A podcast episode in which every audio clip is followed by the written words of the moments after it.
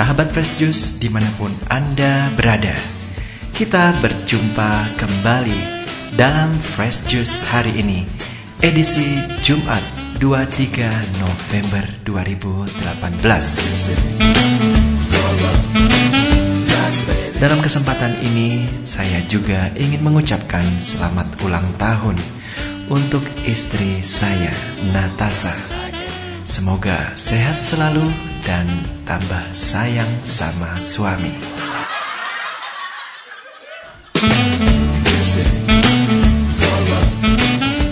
Mari saat ini kita mendengarkan bacaan dan renungan yang akan dibawakan oleh Pastor Yandi Buntoro CDD dari Pontianak. Selamat mendengarkan.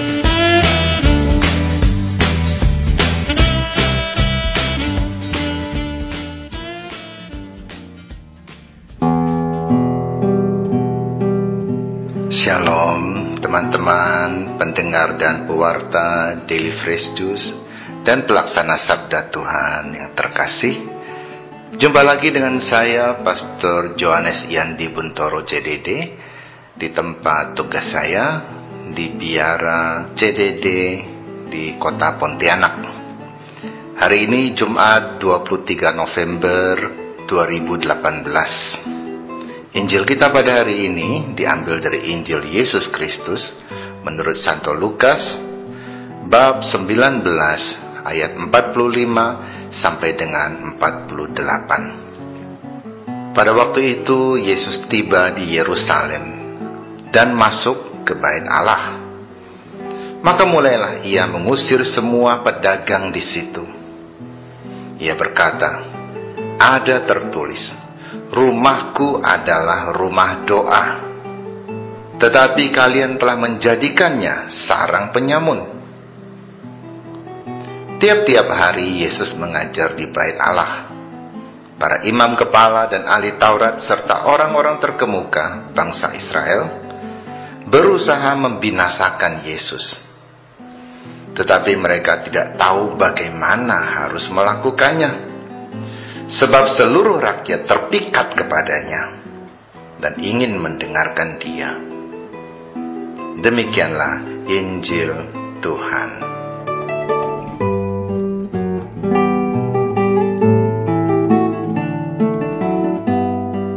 Kepada siapa Yesus marah hari ini? Apakah kepada pedagang atau kegiatan berdagang mereka? Bukan Yesus marah kepada orang-orang yang menggunakan nama agama, fasilitas agama, untuk mencari keuntungan bagi diri sendiri, bahkan sampai menimbulkan banyak korban. Yesus mengatakan mereka menjadikan bait Allah sebagai sarang penyamun. Artinya tidak hanya satu penyamun.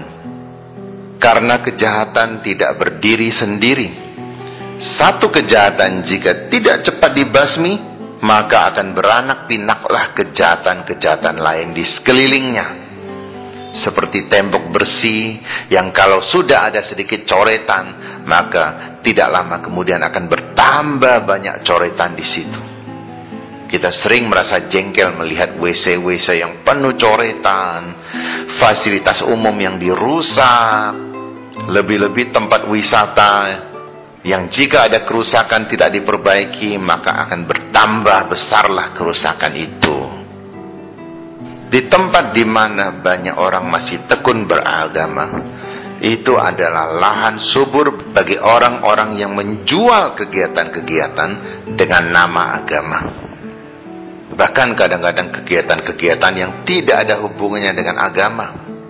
Perdagangan, perebutan kekuasaan, jika dilabeli dengan agama, maka ada saja orang-orang yang merasa kalau saya mendukung itu, maka saya akan dianggap sebagai orang yang lebih beriman, lebih saleh, lebih dekat kepada Tuhan. Benarkah itu? Saya khawatir. Jangan-jangan orang itu mencari Tuhan yang keliru dan akhirnya menjadi korban dari para penyamun. Yesus katakan, Hati kita adalah bait Allah.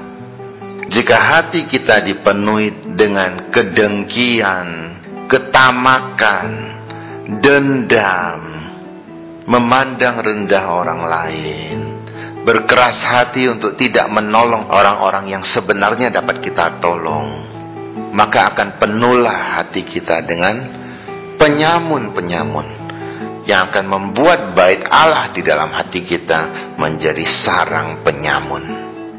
Mari kita lebih tekun berdoa lagi agar Tuhan senantiasa menunjukkan kepada kita mana tawaran yang sungguh berasal dari Tuhan dan mana tawaran yang hanya akan menyesatkan kita dan semuanya menjadi sia-sia kalau kita lakukan.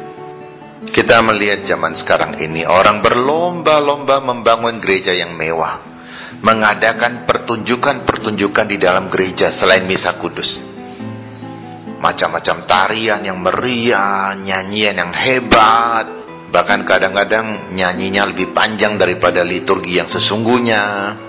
Imam-imam yang bergaya dengan macam-macam pertunjukan.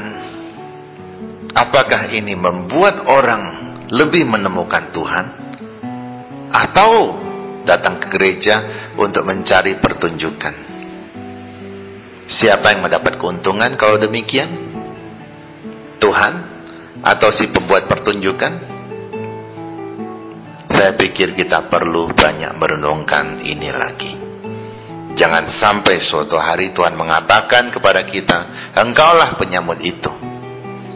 Dan kita diusir. Mari kita berdoa semoga rumah Tuhan sungguh menjadi tempat berdoa, tempat hadirnya Tuhan di dalam hidup kita. Amin. Mari kita menerima berkat Tuhan. Tuhan bersamamu. Semoga kita semua diberkati oleh Allah yang Maha Kuasa dalam nama Bapa dan Putera dan Roh Kudus. Amin.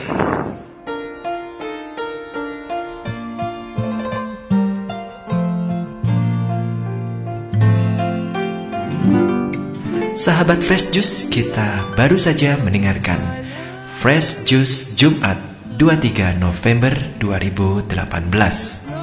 Saya Yofi Setiawan beserta segenap tim Fresh Juice mengucapkan terima kasih kepada Pastor Yandi Buntoro untuk renungannya pada hari ini.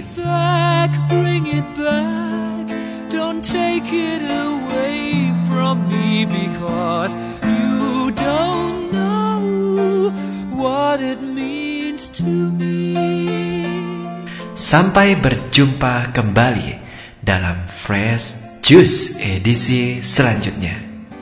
Tetap bersuka cita dan salam Fresh Juice. Taken my love, my love, desert me, love of my life. Please bring,